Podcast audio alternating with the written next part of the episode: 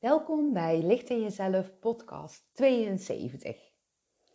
Nou, van de week zat ik een beetje na te denken met mijn goed planhoofd. Goed planhoofd is het zusje van de punthoofd. En heel leuk om naar te luisteren. Ik zal er wel een keer een podcast over maken, want dat is wel handig, denk ik, als je weet wat het goed planhoofd inhoudt. Maar goed, ik dacht zo van welk onderwerp wat betreft de dood bespreekbaar maken, zal ik eens gaan kiezen. En toen las ik eventjes ehm, ja, de mailtjes door, want ik heb heel veel vragen gekregen uh, die te maken hebben met de dood. En mijn oog viel op de vraag van Lonneke. En ze vraagt waarom ze angstig is voor het zien van overleden mensen. En het was zo grappig, want op hetzelfde moment dat ik Lonneke's vraag uitkoos, appte iemand mij.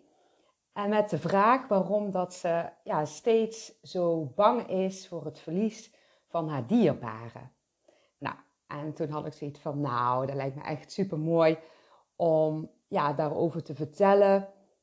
Uh, over ja, angst. Ik bedoel dan ja, dit soort angsten, waar die dan vandaan uh, zouden kunnen komen. En ja, hoe je wat meer de angsten voor de dood losser kunt laten. En ik heb ook een paar vragen uitgekozen die ik heb benoemd in uh, podcast 66.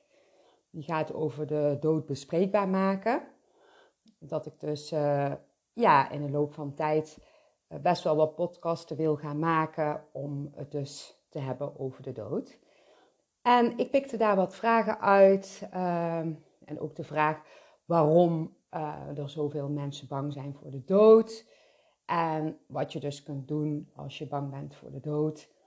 En ook waarom vertellen verschillende geloven een ander verhaal over de dood en het hiernamaals. En ja, wat geloof jij zelf wat betreft de dood? Ja, zoals de meeste mensen wel al weten, vertel ik wel echt vanuit mijn eigen beleveniswereld. Hoe ik ja, de dingen dan voel, zie of ervaar. En dat hoeft natuurlijk niet te passen met ja, hoe jij het ziet. Hè? Het zou zomaar kunnen dat jij het heel anders ziet en dat is ook helemaal prima. En ik zou zeggen, blijf bij jezelf en alleen, neem alleen ja, tot je wat goed voor je voelt. Nou, dan zou ik zeggen, veel luisterplezier. Dan begin ik even met deze vraag. Waarom zijn er veel mensen bang voor de dood? Nou, waarschijnlijk omdat niemand precies weet hoe het zit met de dood. En ja, dat er dus ook heel veel verschillende verhalen zijn.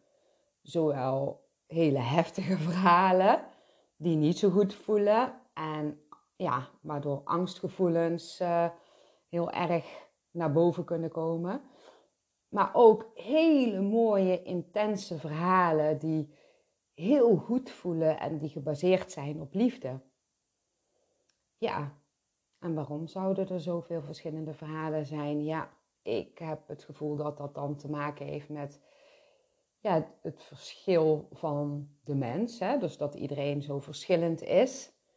De een kan bijvoorbeeld heel bewust naar iets kijken en de ander uh, ja, nog niet zo bewust. En zoals ik het zie dan, hoe bewuster je kan kijken, hoe meer je alles in liefde kunt voelen en zien. Er zijn best wel veel mensen die alles wat met de dood te maken heeft heel interessant vinden. En toch zit er bij ook heel veel mensen angst. Angsten kunnen op verschillende manieren ergens vandaan komen. Ja, zoals ik het zie, komt angst voor de dood voort uit wat je in het verleden mee hebt gekregen of mee hebt gemaakt. Nou, bijvoorbeeld een traumatische ervaring uit het verleden die je nog niet hebt verwerkt. Of een onbewuste angst voor de dood, bijvoorbeeld een trauma die je ja, als heel jong kind hebt meegemaakt, waarbij je ja, wel of geen uh, herinnering meer aan hebt. En je kunt zelfs angst in een vorig leven hebben opgedaan, die je in dit leven onbewust en in sommige gevallen bewust gaat verwerken door uh, bijvoorbeeld een herinnering terug te krijgen. En met verwerken bedoel ik eigenlijk ja, helen, zodat je de angst los kunt laten. Nou, je kunt ook angsten in je systeem zetten die te maken hebben met um, ja, een trauma van iemand uit je omgeving. Bijvoorbeeld, hè, dat is echt een voorbeeld. Um, ja, je moeder heeft een uh, kindje verloren. En ze heeft nog heel veel verdriet en heeft een hele grote angst voor verlies. Nou, dan zou het zo kunnen dat jij haar angst energetisch oppikt en daardoor angst krijgt om een dierbare te verliezen. Je kunt zelfs in de baarmoeder de energie van je moeder en je omgeving voelen en die dus onbewust in je systeem opslaan. De invloeden van buitenaf, dus waar je opgroeide en wat je mee hebt gekregen van de mensen in je omgeving, ja, dat uh, kan een, enorme impact uh, ja, op je gaan krijgen. ja, hoe zagen, zien de mensen in jouw omgeving de dood? En hoe gingen hun met de dood om? Dat heeft dus een super grote invloed op hoe jij nu over de dood denkt. Als je mensen om je heen hebt die bang zijn voor de dood of de dood stilzwijgen, ja, kun je uh, de angst van anderen energetisch opslaan en gaat je punthoofd angstgedachten creëren, waardoor de angst voor jou ja, zo voelbaar is dat je ja, denkt, met je punthoofd dan, dat de angst van jezelf is. Om angstgedachten wat rustiger te krijgen, zou het fijn zijn als je wat ja, bewuster gaat worden van je gedachten. Maar ik kan me voorstellen dat dat niet meteen ja, lukt. Dan is het wel heel goed om je angst dus bespreekbaar te maken met mensen die je vertrouwt en die goed voor je voelen. Weet dat er altijd mensen zijn die jou kunnen helpen, ook al denk je van niet. Mensen die angstig zijn voor de dood krijgen met situaties te maken waarbij ja, de angstgevoelens dus naar voren komen. En doordat je dan al zo sterk voelt, dan gaat het punthoofd nog veel meer bange gedachten uitzenden. En deze gedachten kunnen dan doorslaan in ja, een hele extreme angst. En die is eigenlijk dus helemaal niet berust op de waarheid. En dit kost heel veel energie. En het kan soms zo doorslaan dat je niet anders kan als hulp zoeken. Zodat je leert om met de angst om te gaan en ja, bewust wordt dus hoe je je angst los kunt laten. Stel je bent opgegroeid in een omgeving waarbij de dood bespreekbare onderwerp was. En dat de mensen om je heen bewust zijn dat de dood ja, gewoon bij het leven hoort. En dat de dood niet het einde is, maar een andere energievorm die je kunt waarnemen. En als je ervoor open staat, dan heb je een grote kans dat jij dus de dood heel erg normaal vindt. Ja, gewoon ziet als van, er hoort er gewoon bij. En dan zou je dus de dood net zo mooi kunnen zien als bijvoorbeeld een geboorte. Zelf vind ik, ja, dat klinkt misschien een beetje gek, maar een sterfproces vind ik uh, ja, zo intens en ja, mooi. En ook ja, de dood, dat ik het zelfs nog mooier vind als een geboorte. Maar dat klinkt misschien voor sommigen een beetje gek. Maar ja, dat komt dat ik het zo zie omdat ik de dood als nog levendiger ervaar als het leven zelf. Ja. Nou, degene die mij dus het appje stuurde, ja, die is dus heel bang om een dierbare te verliezen.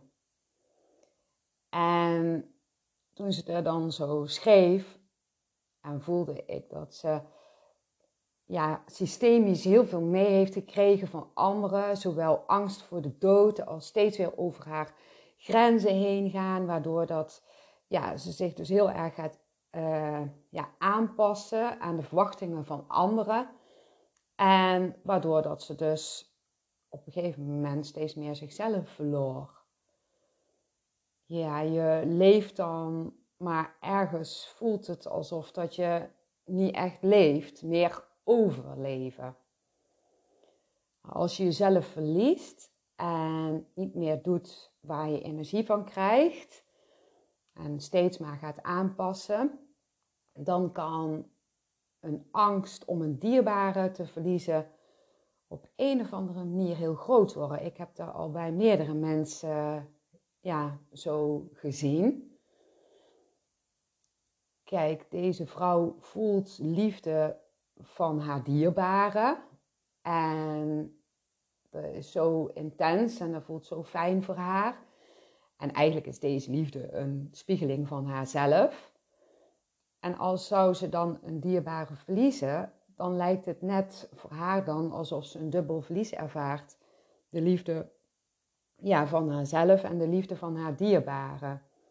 Dus dan voelt het dus als een dubbel verlies. Nou ja, haar leerproces is om weer uh, terug te komen in haar eigen mooie kracht en haar zelf lief te hebben en te gaan doen wat haar energie geeft. Nou, haar punthoofd uh, zal dan wel haar een geschuldgevoel aan gaan praten op het moment dat ze voor zichzelf kiest. En dit komt omdat ze natuurlijk aan heeft geleerd dat, uh, dat anderen belangrijker zijn dan haarzelf. Als ze bewust wordt van haar gedachten, dus haar punthoofdgedachten, dat die niet de werkelijkheid zijn, maar dat haar gedachten dus zijn ontstaan door wat ze mee heeft gekregen van de invloeden van buitenaf, kan ze zich weer gaan herinneren ja, wie ze werkelijk is. En dat is dus liefde. En ze wordt zich steeds bewuster, heb ik het gevoel, waardoor ze uiteindelijk angst voor verlies wel los gaat laten, maar dat kost heel veel tijd. Tijd om hier bewust van te worden. Ehm, ja, omdat ze dus echt grotendeels van haar leven heeft aangepast. En ja, maar heeft aangepast aan de verwachtingen die dus een ander heeft van haar. Nou, het punthoofd heeft natuurlijk niet zoveel geduld. Van veel mensen niet. En ja, ook van haar punthoofd is niet, heeft niet zoveel geduld. En uh, ja, die vindt dat haar proces niet echt opschiet. Waardoor dat ze ja, regelmatig het vertrouwen verliest. En daardoor niet echt meer gaat geloven dat het nog ooit goed komt. En als ik invoer op haar intuïtie, ja, dan gaat ze toch steeds meer accepteren dat het gaat zoals het gaat en inzien dat kleine stapjes haar vooruitgang geven. En doordat ze meer uh, gaat doen wat goed voor haar voelt, zal ze zich wel ja, wat lekkerder voelen uh, en ook wat meer energie krijgen. En in het proces waar ze in zit, mag ze ook nog leren ontvangen. Ze hoeft het dus niet alleen te doen. Ja, dat vind ik wel een, uh, een goed voorbeeld van angst voor verlies. Omdat je dus eigenlijk ja, jezelf hebt verloren.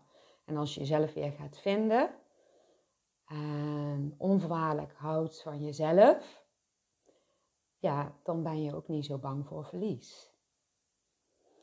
Oké, dan gaan we door naar de volgende vraag. Wat kun je doen als je bang bent voor de dood? Ja, dat kan ik niet allemaal in één podcast uitleggen. En voor iedereen is het natuurlijk anders, maar een beetje even ja, de basis die ik dan vertel. Ja, mensen die er klaar voor zijn om hun angst voor de dood te overwinnen, gaan uiteindelijk bewuster in het leven staan. Je intuïtie zal je onbewust en bewust ingevingen geven, waardoor dat je dus bewuster in het leven gaat staan en inzichten krijgt. Net zolang totdat je je angst hebt overwonnen. Het lijkt een beetje op een hele grote puzzel en er gaan steeds meer puzzelstukjes vallen. En als je de puzzel dan in elkaar hebt gepuzzeld, dan voel je geen angst meer. Dat klinkt heel gemakkelijk. Als je angsten gaat overwinnen, zal je steeds bewuster worden hoe de gedachtenwereld werkt. Dat is een hele belangrijke. En je zou je bewust kunnen worden waar je angst vandaan komt. Maar hier hoef je niet altijd een totale inzicht in te krijgen. Dat denken sommige mensen van wel, maar dat hoeft dus niet.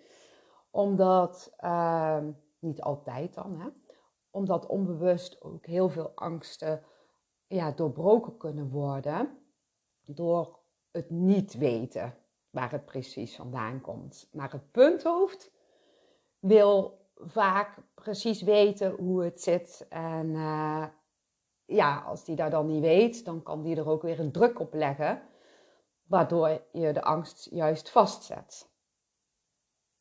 Nou, als je de dood op zielsniveau kunt bekijken, dan is er geen angst.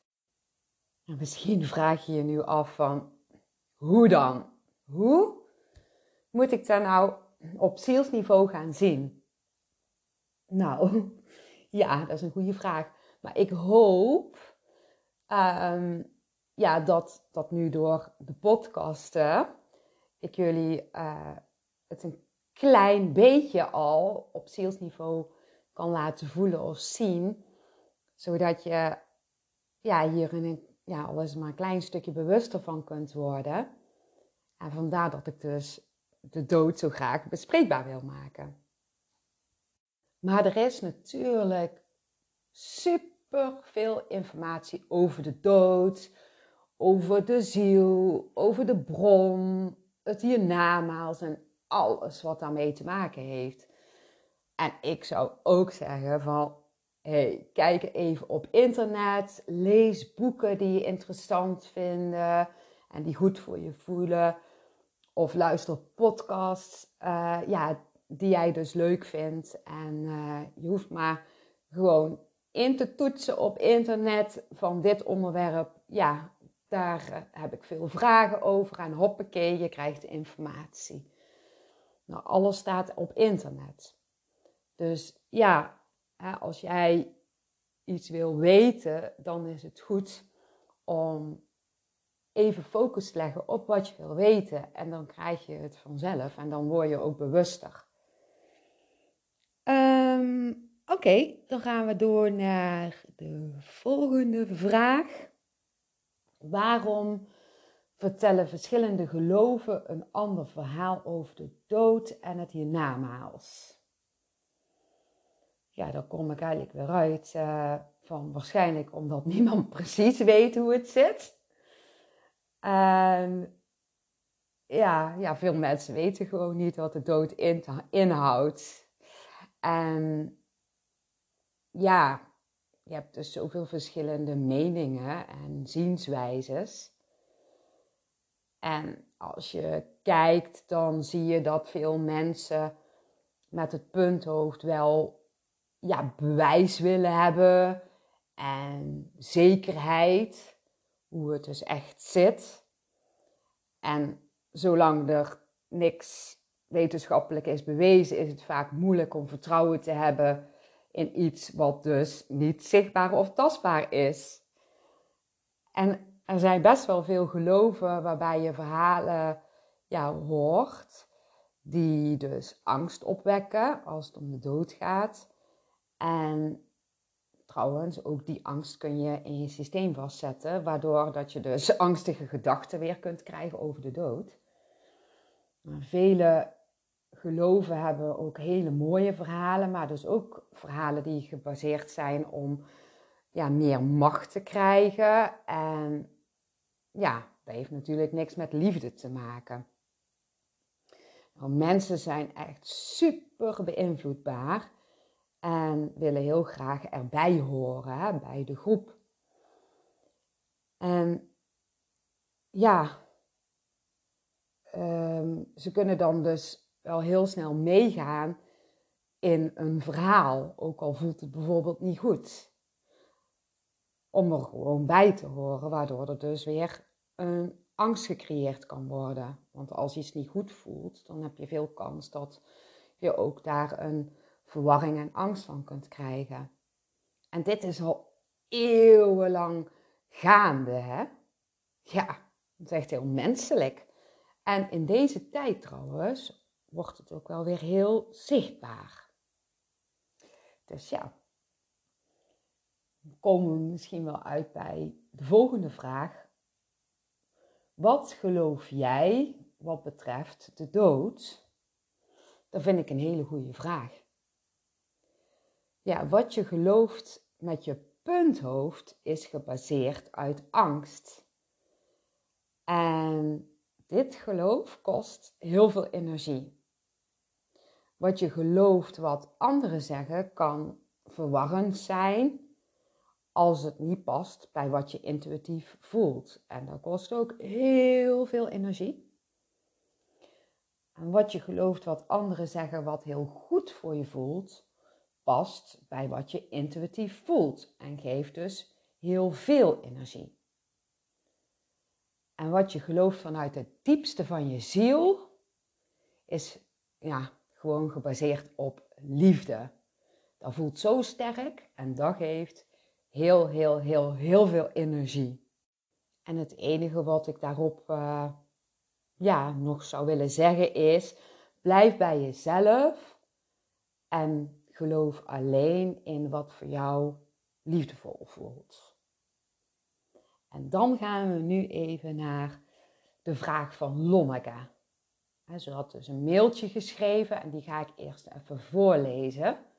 Dat is wel handig. Nou, ze schrijft, naar aanleiding van jouw podcast vind ik het uh, toch even leuk om deze vraag in te sturen.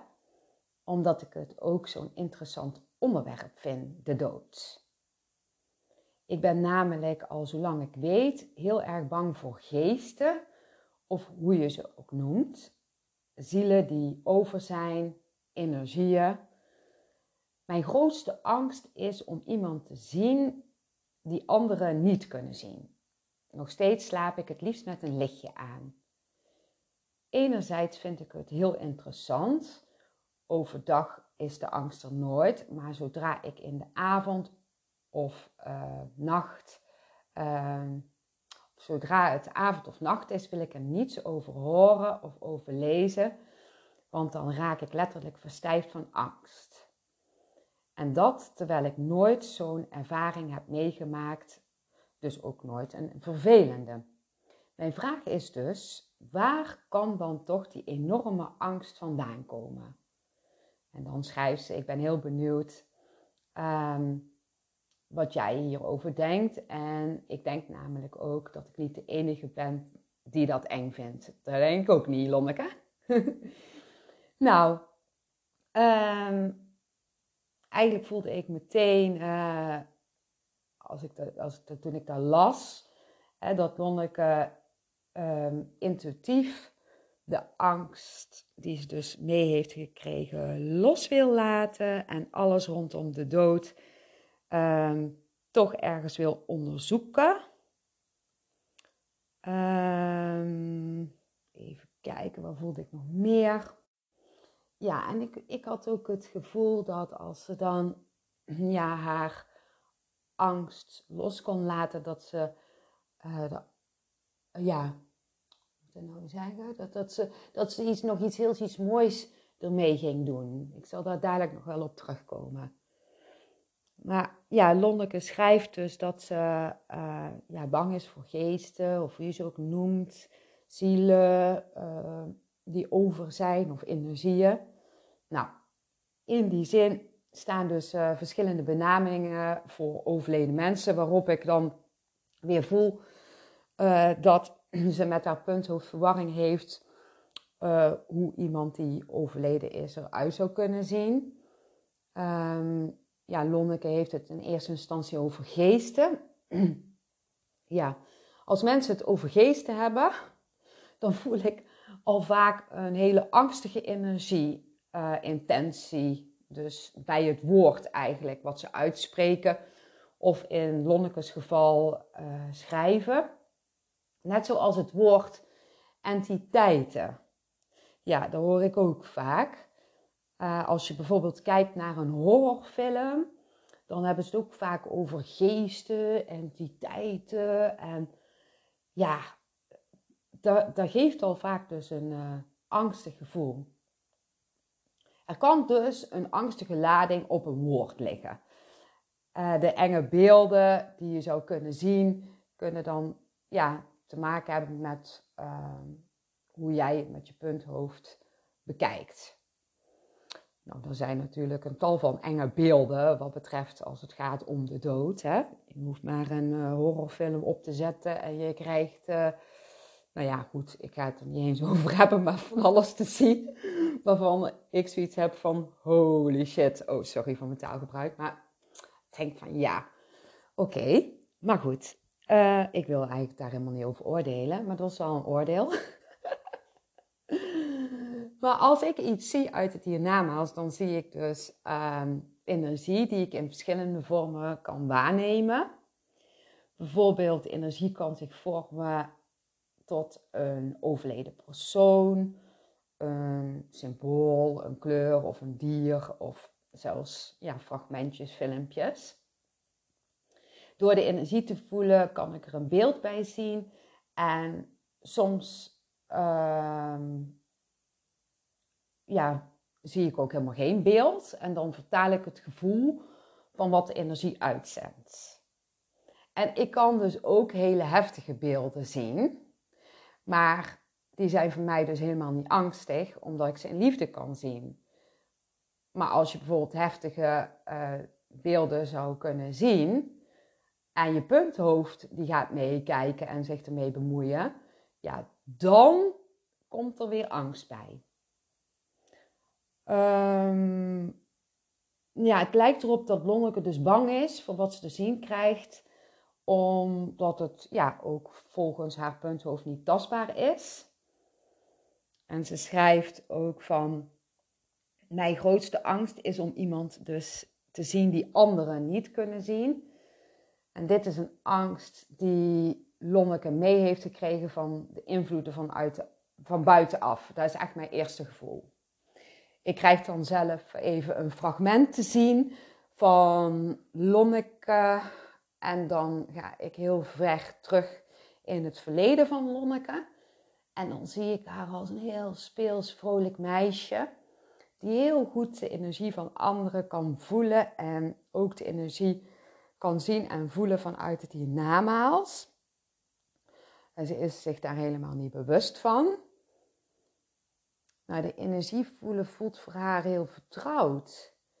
En ja, dan krijg ik even een gevoel te voelen van uh, voordat ze geboren werd. En ja, die verbinding, die maakt ze als jong meisje nog heel sterk. Dus daar waar ze vandaan komt, dus voor haar geboorte was ze in het hiernamaals, ja, de bron of hoe je het ook wil noemen.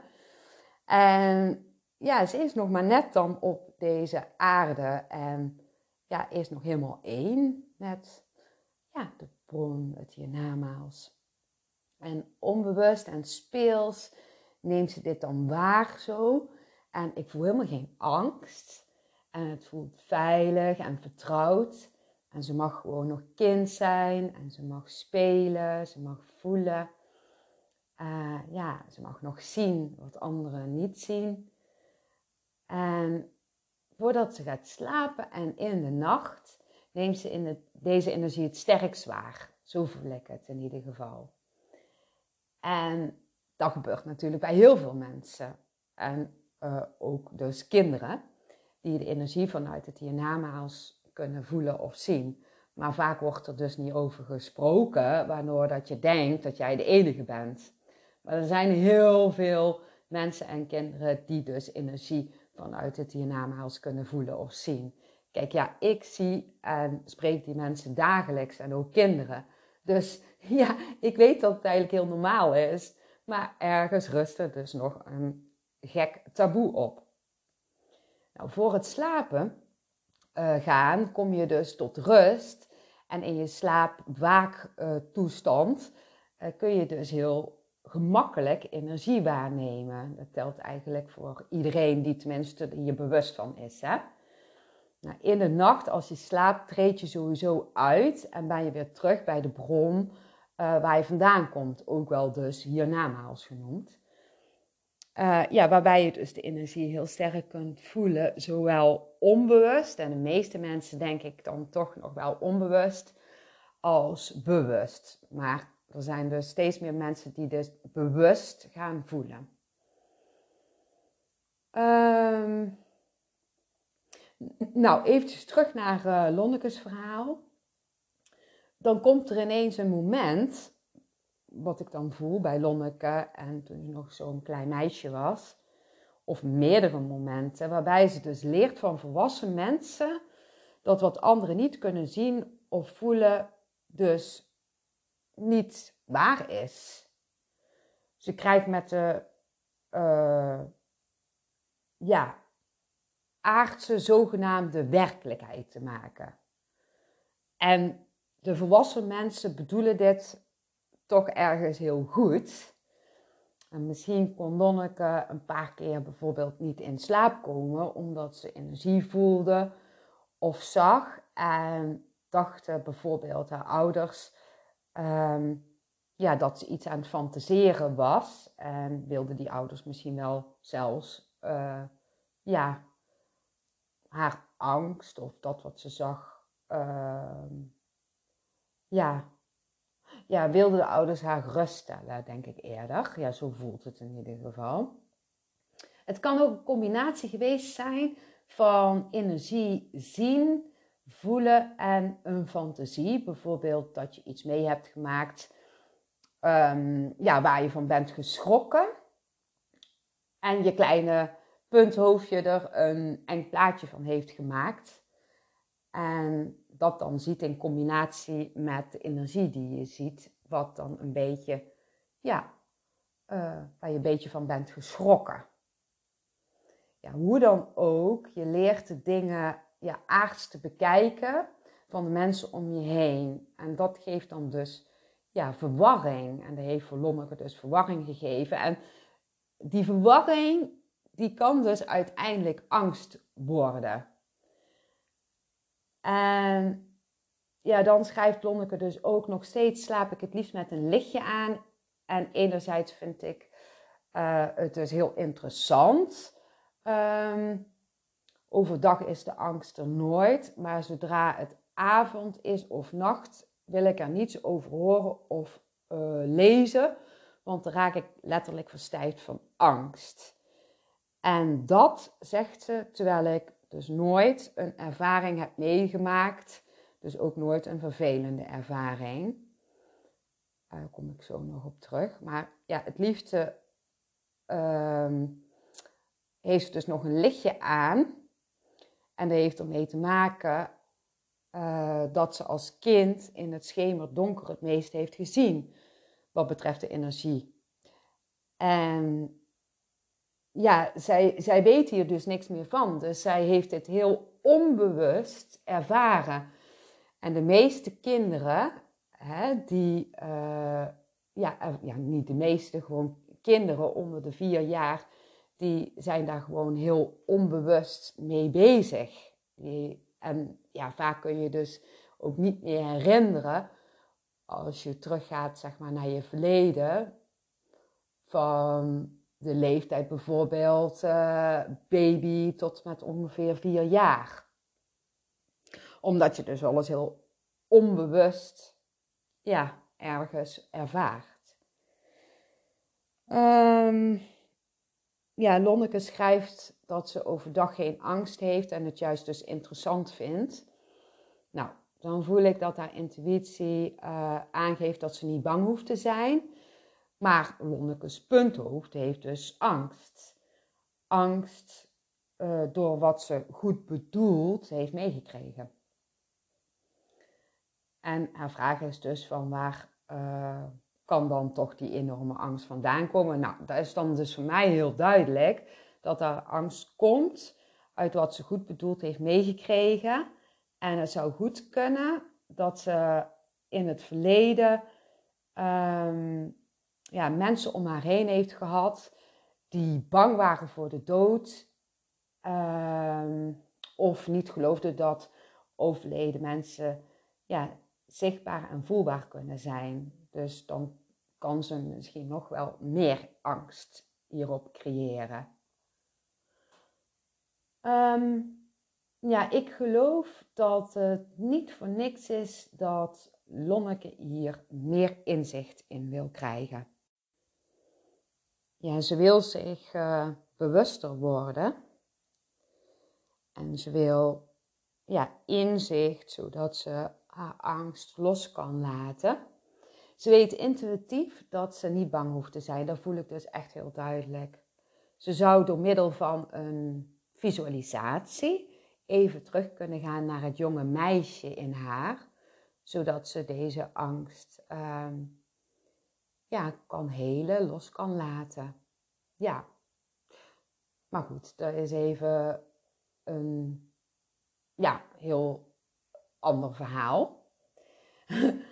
um, ja, misschien heeft uh, Lonneke wel een zielsdoel die te maken heeft met het bewust worden van ja, de dood en verbinding leggen met overleden mensen of misschien wel dieren of andere energie uit de bron, het hiernamaals.